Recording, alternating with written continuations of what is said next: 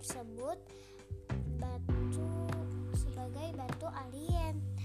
Pemandangan di lokasi itu juga sangat indah. Wajib kalian datang ke teman-teman. Tujuan kedua kami yaitu kita ke museum sisa hartaku. Sesuatu aku yang masuk kaget lihat televisi yang lumer sebagian akibat akibat dahsyat panas lava saat gunung Merapi meletus. Di sana kalian bisa lihat sisa rumah berserata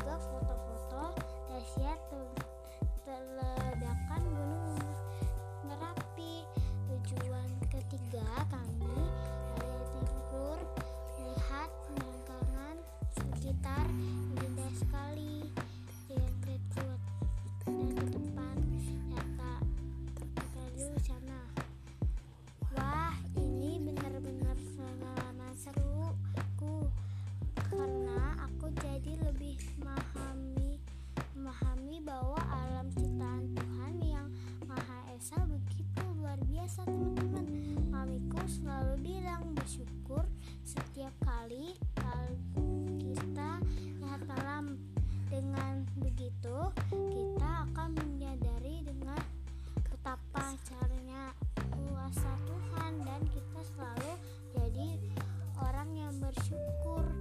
Oke teman-teman, sampai di sini juga kisah perjalanan berikutnya. Having a good day.